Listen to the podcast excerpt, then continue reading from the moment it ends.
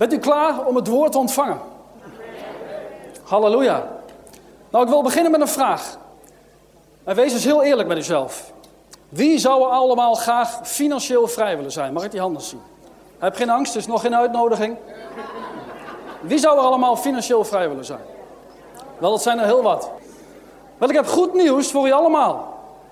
Want vanaf vandaag kunt u financieel vrij worden. En hoe dat zit, hoort u in deze boodschap met de titel De wortel van alle kwaad. Als we om ons heen kijken, dan zien we duidelijk dat men graag rijk zou willen zijn. Al die duizenden staatsloten en krasloten die worden verkocht, dat zegt genoeg. Lotto, Toto en niet te vergeten, wees er snel bij, want winnen doe je bij de postcode loterij. Wel, ik dacht het niet. De kans dat u een hoofdprijs wint in de postcode loterij, staatsloterij of andere kansspelen is nagenoeg nihil. Ja, maar Henk, met een kleinere prijs ben ik ook wel tevreden. Wel, punt 1 heeft, die, u die kleinere prijs waarschijnlijk zelf al 36 keer betaald.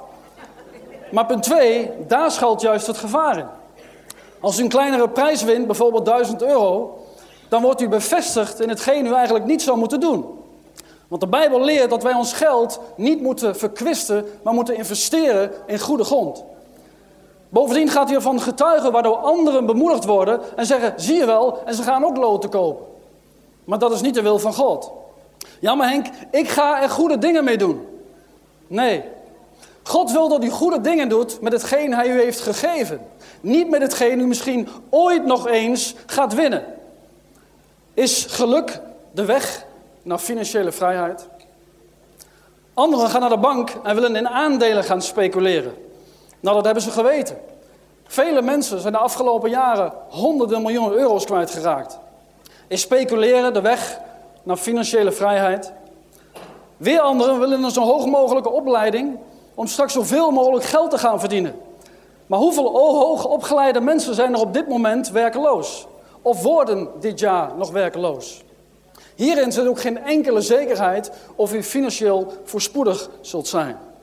En dan zijn er nog van die geweldige motivatiesprekers die u een geweldige pep talk geven om zo weer één of twee dagen enthousiast door het leven te gaan. Ze beloven gouden bergen, maar zijn zelf de enige die geld overhouden aan deze actie. Iemand voor een moment emotioneel in vuur en vlam zetten, brengt na een aantal dagen alleen maar teleurstelling. En helaas zien we dat ook in ons land, op bijeenkomsten en conferenties.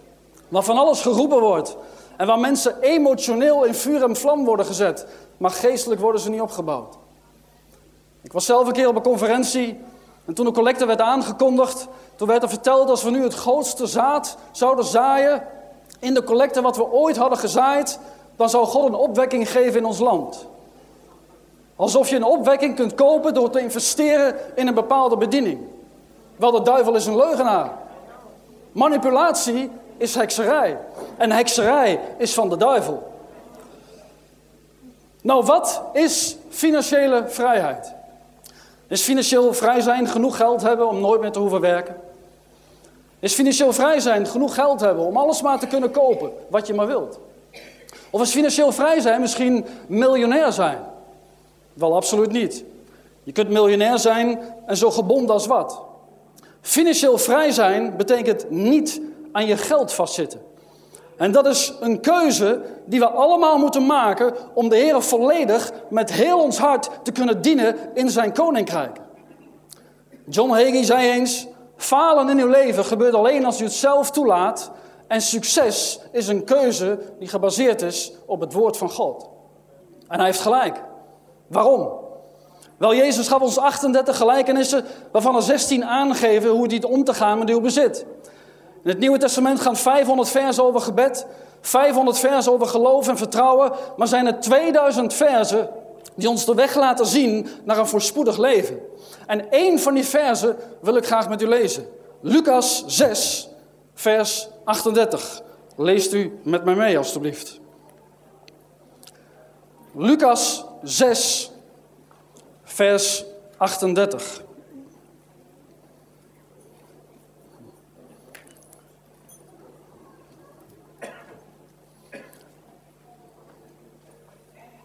En daar staat: Geeft en u zal gegeven worden. Een goede, gedrukte, geschudde, overlopende maat zal men in uw schoot geven. Want met de maat waarmee gij meet, zal u weder gemeten worden. Nou, laten we het net ook met elkaar nog een keer hardop lezen, ja? Geeft en u zal gegeven worden. Een goede, gedrukte, geschudde, overlopende maat zal men in uw schoot geven. Want met de maat waarmee gij meet, zal u weder gemeten worden. Nou, hier zien we dat gevers voorspoedig zullen zijn en zullen ontvangen. Dit is een Bijbels principe, een Bijbelse wet die werkt. Het hele evangelie is gebaseerd op geven. Johannes 3, vers 16. Want al zo lief God de wereld had, dat hij zijn enige geboren zoon gegeven heeft, omdat het dat hij in hem gelooft, niet verloren gaat, maar eeuwig leven heeft. God laat via het kruis zien wat liefde doet. Liefde en geven zijn onafscheidelijk. Jezus was een gever. Hij gaf onderwijs. Hij gaf genezing. Hij gaf bevrijding. Hij gaf de 5000 te eten. En hij gaf uiteindelijk zelfs zijn eigen leven door te sterven aan het kruis op Golgotha. Geven is het enige bewijs dat hebzucht in uw leven niet heeft toegeslagen. En hebzucht, zegt de Bijbel, vergis u niet, is zonde. Als u niet kunt geven, dan is er iets in u wat niet van God is. De Bijbel begint met geven. In het begin schiep God de hemel en de aarde. Nou, en wie gaf hij de aarde? Wel, die gaf hij aan ons. En de Bijbel eindigt met de genade van de Heer Jezus Christus zij met allen. De Bijbel begint en eindigt met geven. Nou, het is niet de bedoeling dat ik u leer te geven om te ontvangen. Als ik u leer te geven om te ontvangen, dan is dat niet in balans. Op deze manier zou ik alleen maar lust zaaien en geen liefde. Als u niet dat liefde geeft, maar om een andere reden, dan heeft het geven op totaal geen effect. Sommige mensen geven inderdaad om te ontvangen, maar vergeet het maar. God kijkt naar uw hart. In 1 Koningin 17 lezen we het verhaal over Elia en de weduwe. En ik zal dat voorlezen vanwege de tijd. Maar moet zich voorstellen, in deze periode, waar ik een stukje uit voorlees, daar was het een grote hongersnood en mensen stierven bijna letterlijk van de honger. En dan vanaf vers 10 lees ik, toen hij, Elia, bij de stadspoort kwam, zie, daar was een weduwe bezig hout te sprokkelen. Hij riep haar toe en zeide, haal mij toch in een kruik een weinig water, opdat ik drinken. Toen zij het ging halen, riep hij haar na en zeide, breng mij ook een beter broods mee. Daarop zeide zij, zo waar de Heere God leeft, ik heb geen broodkoek, maar enkel een handvol meel in de pot en een weinig olie in de kruik. En zie, ik ben bezig een paar stukken hout te sprokkelen. Dan wil ik het thuis voor mij en mijn zoon gaan bereiden. En als we het gegeten hebben, dan moeten wij maar sterven. Ze had nog één maaltijd. Doch Elia zeide tot haar, vrees niet. Ga thuis bereiden zoals gij gezegd hebt. Doch bereid mij daarvan eerst een kleine koek en breng mij die hier. Voor u en uw zoon kunt u het later bereiden. Want zo zegt de Heer, de God van Israël, het meel in de pot zal niet opbraken en de olie in de kruik zal niet ontbreken, tot op de dag waarop de Heer regen op de aardbodem zal geven. Nou, deze vrouw had deze belofte in geloof ontvangen. Marcus 11, vers 24 zegt ook: Geloof dat gij het ontvangen hebt en het zal geschieden. Deze vrouw vertrouwde God en gaf eerst brood aan Elia, terwijl ze zelf nog maar één maaltijd had en daarna zou sterven. Zij deed wat God van haar vroeg en ze keek niet naar de omstandigheden. Nou, wat lezen we in vers 15 en 16? Daarop ging zij heen en deed zoals Elia gezegd had. En een tijd lang at zij, evenals hij en naar huis. Het meel in de pot raakte niet op en de olie in de kruik ontbrak niet, naar het woord des Heren dat hij door de dienst van Elia gesproken had. Wel prijs de Heer. Haar schuren werden op een bovennatuurlijke manier gevuld, exact zoals de Heer beloofd had. Deze weduwe kwam uit een situatie van niet genoeg naar meer dan genoeg. De koning in het paleis had niets, maar deze vrouw had alles doordat ze gaf. Zij gaf alles wat ze bezat en ze ontving daardoor alles wat ze niet bezat. Zonder zaad, in wat voor vorm dan ook, kan er niet geoogst worden. Dat is niet alleen een Bijbels principe, maar dat kunnen we aan iedere boer navragen die zaad zaait in zijn grond. Nou, bij Abraham ging God nog een stapje verder. God zei tegen Abraham: Ik wil dat je bewijst dat je meer van mij houdt als van iets anders. Ik wil dat je je enige zoon Isaac aan mij teruggeeft. Je kent het verhaal dat Abraham zijn zoon meenam bovenop een berg om aan God te offeren. En op, op het moment dat hij het mes in de borst van zijn enige zoon wilde steken, kwam er een engel.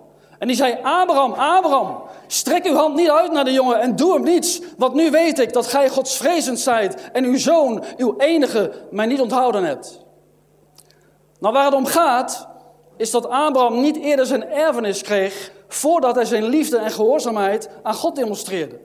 Hij zei niet, wel heer, ik zal even kijken wat ik voor u doen kan. Nee, hij demonstreerde dat hij bereid was te geven wat God van hem vroeg. En God zei, ik zal u rijkelijk zegenen, omdat gij dit gedaan hebt. Zegen is altijd het gevolg van gehoorzaamheid. Zijn we ook bereid om te doen wat God van ons vraagt? Als u een gever bent, dan bent u voor God een kanaal om zegen doorheen te voeren naar andere mensen. Zegen en overvloed komen nooit letterlijk uit de hemel vallen. Poef! Een winkelwagen vol met boodschappen. Nee, zo werkt dat niet. Zegen en overvloed komen altijd via andere mensen naar u toe. En God zoekt mensen die zich hiervoor laten willen gebruiken. Mensen die jij kan vertrouwen. Mensen die los kunnen laten, die kunnen delen. Halleluja.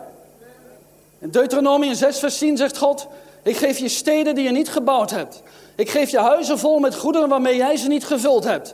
Ik geef je uitgehouwen bakken die jij niet uitgehouden hebt. En ik geef je wijngaarden en olijfbomen die jij niet geplant hebt.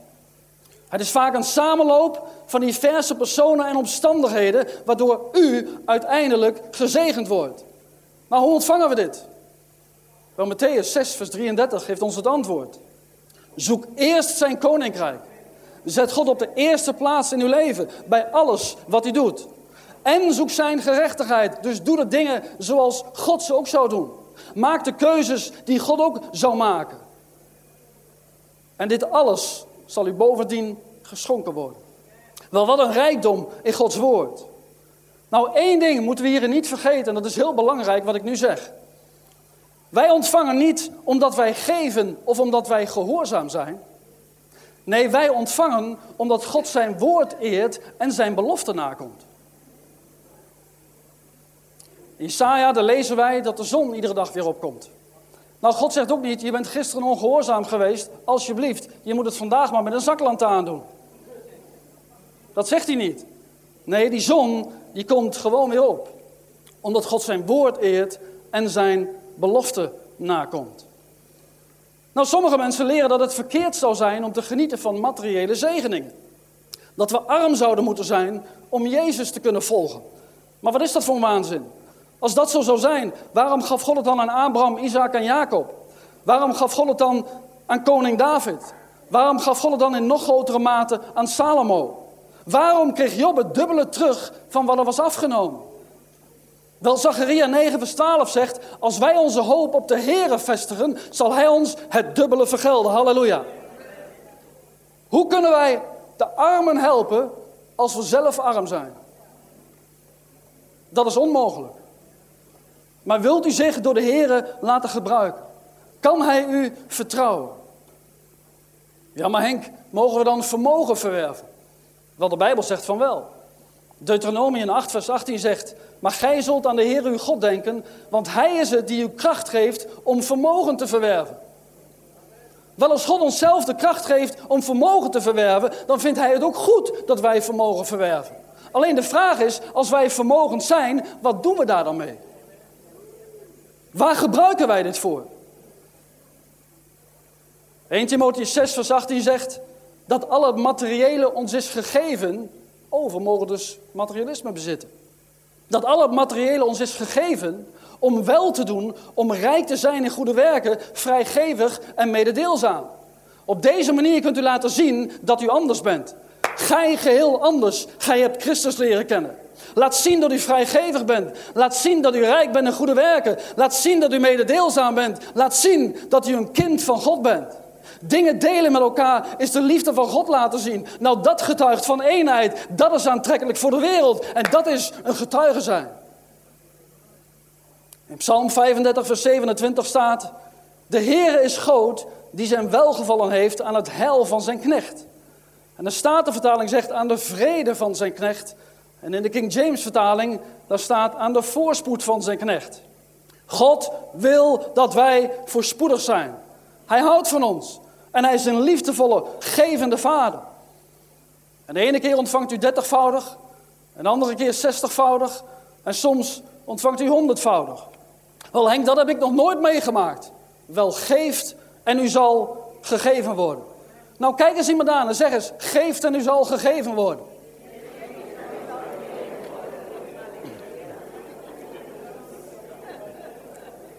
Nou, het probleem is, het probleem is dat veel mensen gebonden zijn en bijvoorbeeld vastzitten aan hun geld. Geld is een van de grootste afgoden in deze wereld, ook in Nederland. En vele christenen zeggen, Henk, inderdaad, geld is de wortel van alle kwaad. Maar dat is niet waar.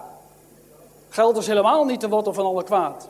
Met geld kunnen we geweldige dingen doen. Zonder geld is het niet mogelijk om mijn televisiebediening uit te oefenen. Zonder geld is het niet mogelijk om deze conferentie te organiseren. Om de programma's die op dit moment door verschillende camera's worden opgenomen in heel Europa uit te zenden, zodat mensen over Jezus kunnen horen. Daar is geld voor nodig. De Bijbel zegt in 1 Timotheus 6, vers 10 dat de liefde voor het geld, geldzucht is de wortel van alle kwaad. En dat is het probleem. En als u dat probleem heeft, heeft u er gelijk een probleem bij. Want als u gericht bent op geld in plaats van op Gods woord, dan wordt u geleid door de verkeerde geest en leeft u in afgoderij. Ik heb er een hele boodschap over gemaakt, over het eerste gebod van de tien geboden. Gij zult geen andere goden voor u aangezegd hebben, kunt u bestellen via onze webwinkel. Er leven meer christenen in afgoderij. En dat kan in verschillende vormen zijn dan u denkt. God wil u zegenen. Hij wil u in alles voorzien. Maar u moet wel bij Hem zijn om dit alles te ontvangen. Hij dient op de eerste plaats te staan in uw leven. En het is belangrijk dat we keuzes maken zoals God dat van ons vraagt. God is trouw aan zijn woord. Hij had ook beloofd om Isaac te zegenen. Als we teruggaan naar het Oude Testament, Genesis, dan lezen we in Genesis 26, vers 12 over Isaac die God gehoorzaamde en in het land bleef en tijdens een hongersnood zaaide en honderdvoudig terug ontving. Dan staat, en Isaac zaaide in dat land en oogste in dat jaar honderdvoudig.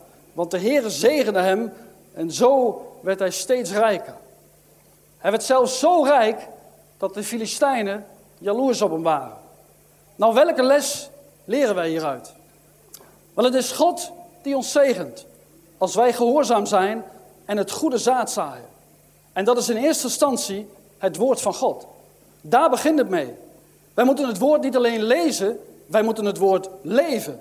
Wij moeten het woord toepassen in onze samenleving. Want het woord van God toepassen in onze samenleving is de enige manier om onze samenleving ten positieve te beïnvloeden. Niet alleen met woorden, maar ook met onze daden. Want een geloof zonder werken is dood, zegt de Bijbel. Nou, dit gebeurde in het Oude Testament aan het begin van de Bijbel. Hoe ziet zoiets eruit in het Nieuwe Testament? Wel, in Marcus 10, vers 29 en 30 lezen we: Voorwaar, ik zeg u, er is niemand die huis of broeders of zusters, of moeder of vader of kinderen of akkers heeft prijsgegeven om mij en om het evangelie, of hij ontvangt honderdvoudig terug hier en nu. Hoort u dat? In dit leven, zegt de Bijbel. Wanneer wij iets waardevols opgeven voor hem, dan mogen wij honderdvoudig terugverwachten. Nou, Creflo Dollar zei dat niet. Jesse Duplantis zei dat niet. T.D. Jakes zei dat niet. Perry Stone zei dat niet. Donald Perkins zei dat niet. David Hathaway zei dat niet. Bert Panhuizen zei dat niet. Maar Jezus zei het. Halleluja. Nou, hoe zou zoiets vandaag kunnen gebeuren? En dat wil ik graag vertellen aan de hand van een persoonlijk getuigenis. Ik heb naast mijn bediening ook nog een bedrijf. En dat is prettig. Het is een succesvol bedrijf. Dat geeft mij inkomsten. Dan ben ik niet afhankelijk van giften. En alle giften die binnenkomen, ook via de partners, kunnen we voor 100% investeren in het Koninkrijk van God. En dat is een grote zegen. Een aantal jaren geleden had ik het idee gevat om te gaan reclame maken op de radio. Op de toen nummer 1 zender van Nederland, skyradio.nl. En ik had een hele campagne bedacht, ik had daar een bedrag voor gereserveerd. En dat was een behoorlijk bedrag. Radioreclame is niet goedkoop. We praten niet over 500 euro.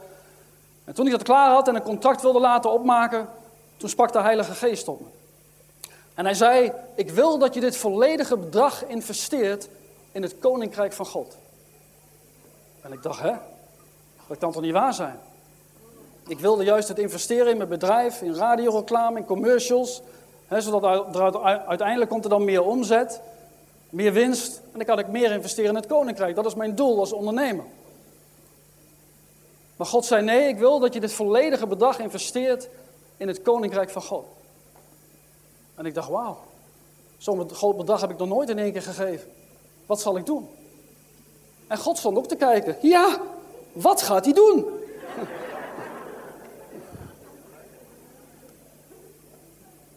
Maar ik moest gehoorzaam zijn.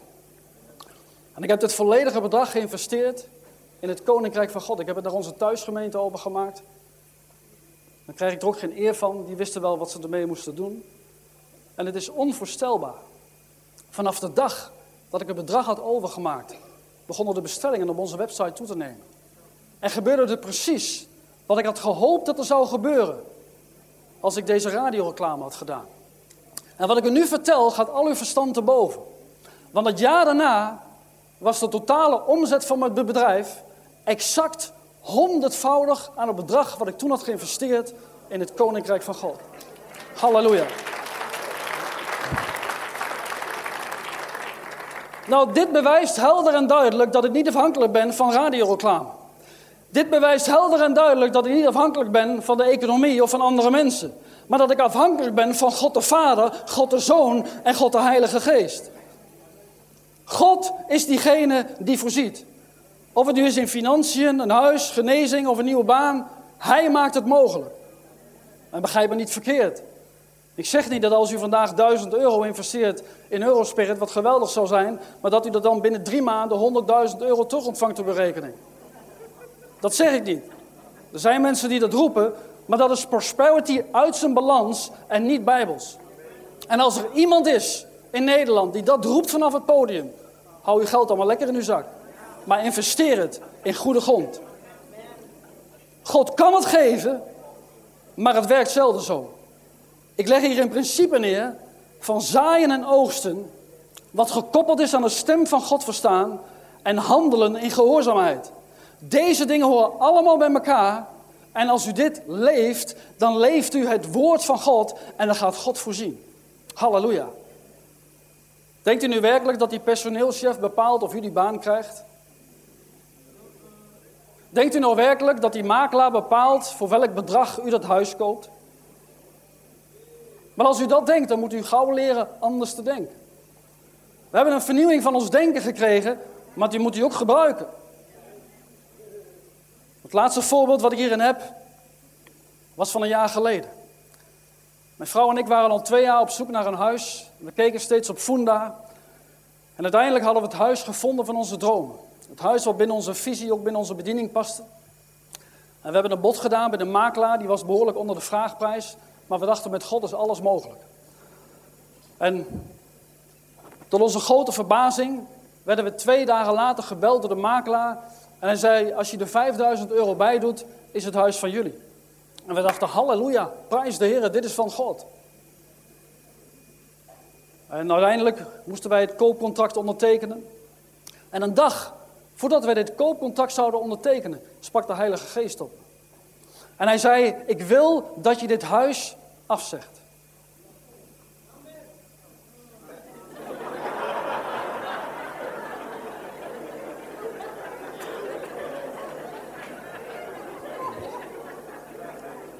Ik zeg, ja maar heer, ik zeg, wij geloven echt dat dit het huis is wat we van u hebben ontvangen.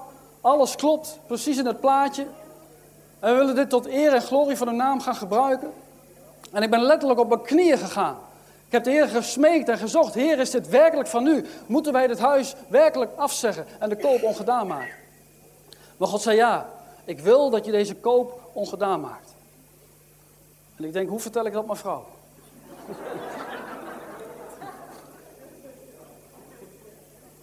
Maar ik kreeg een geweldig antwoord. Ik ben naar mijn vrouw gegaan. Ik heb gezegd, schat. Ik zeg, de Heilige Geest heeft gesproken dat we dit huis moeten afzeggen. En ze zei, wel jij bent het hoofd van het gezin. En jij neemt maar deze beslissing en wat jij beslist, daar sta ik achter. En wat de Heilige Geest heeft gezegd, dat moeten we maar doen. Is dat niet geweldig? Halleluja, dank u Heer voor Ellen. We hebben de koopbon gedaan gemaakt, daar was de makelaar niet blij mee, want het huis was al een keer eerder gekocht, maar dat kon ook niet doorgaan. En wij gingen onze zoektocht verder. En na een dag of vier, vijf kwamen we weer op internet terecht bij Funda. Keken we naar een paar andere huizen. Maar we konden het niet laten om nog even te kijken bij dit huis wat we gekocht hadden en ook weer geannuleerd. En tot onze grote verbazing was de vraagprijs van het huis met een enorm bedrag verlaagd. En het eerste wat ik dacht, God laat zijn kinderen niet te veel betalen. Halleluja. En om een lang verhaal kort te maken, twee maanden later kopen wij exact hetzelfde huis, maar nu met een extra voordeel van 31.000 euro. Halleluja. Wat bij de mensen onmogelijk is, is mogelijk bij God. Nou, ik zeg niet dat we geen tegenslagen kunnen verwachten. Dat hebben we allemaal. We leven in een duistere wereld waar de duivel rondgaat als een brullende leeuw om te stelen, te slachten en te verdelgen. Maar God is machtiger. Jezus zegt in Johannes 10, vers 10b, maar ik ben gekomen opdat zij leven hebben en overvloed. En de Amplified Bijbel zegt, opdat zij van het leven genieten in al zijn volheid totdat het overstroomt. En dat is de wil van God voor ons leven, dat het overstroomt, zodat wij kunnen delen met anderen. Halleluja. Amen. Amen.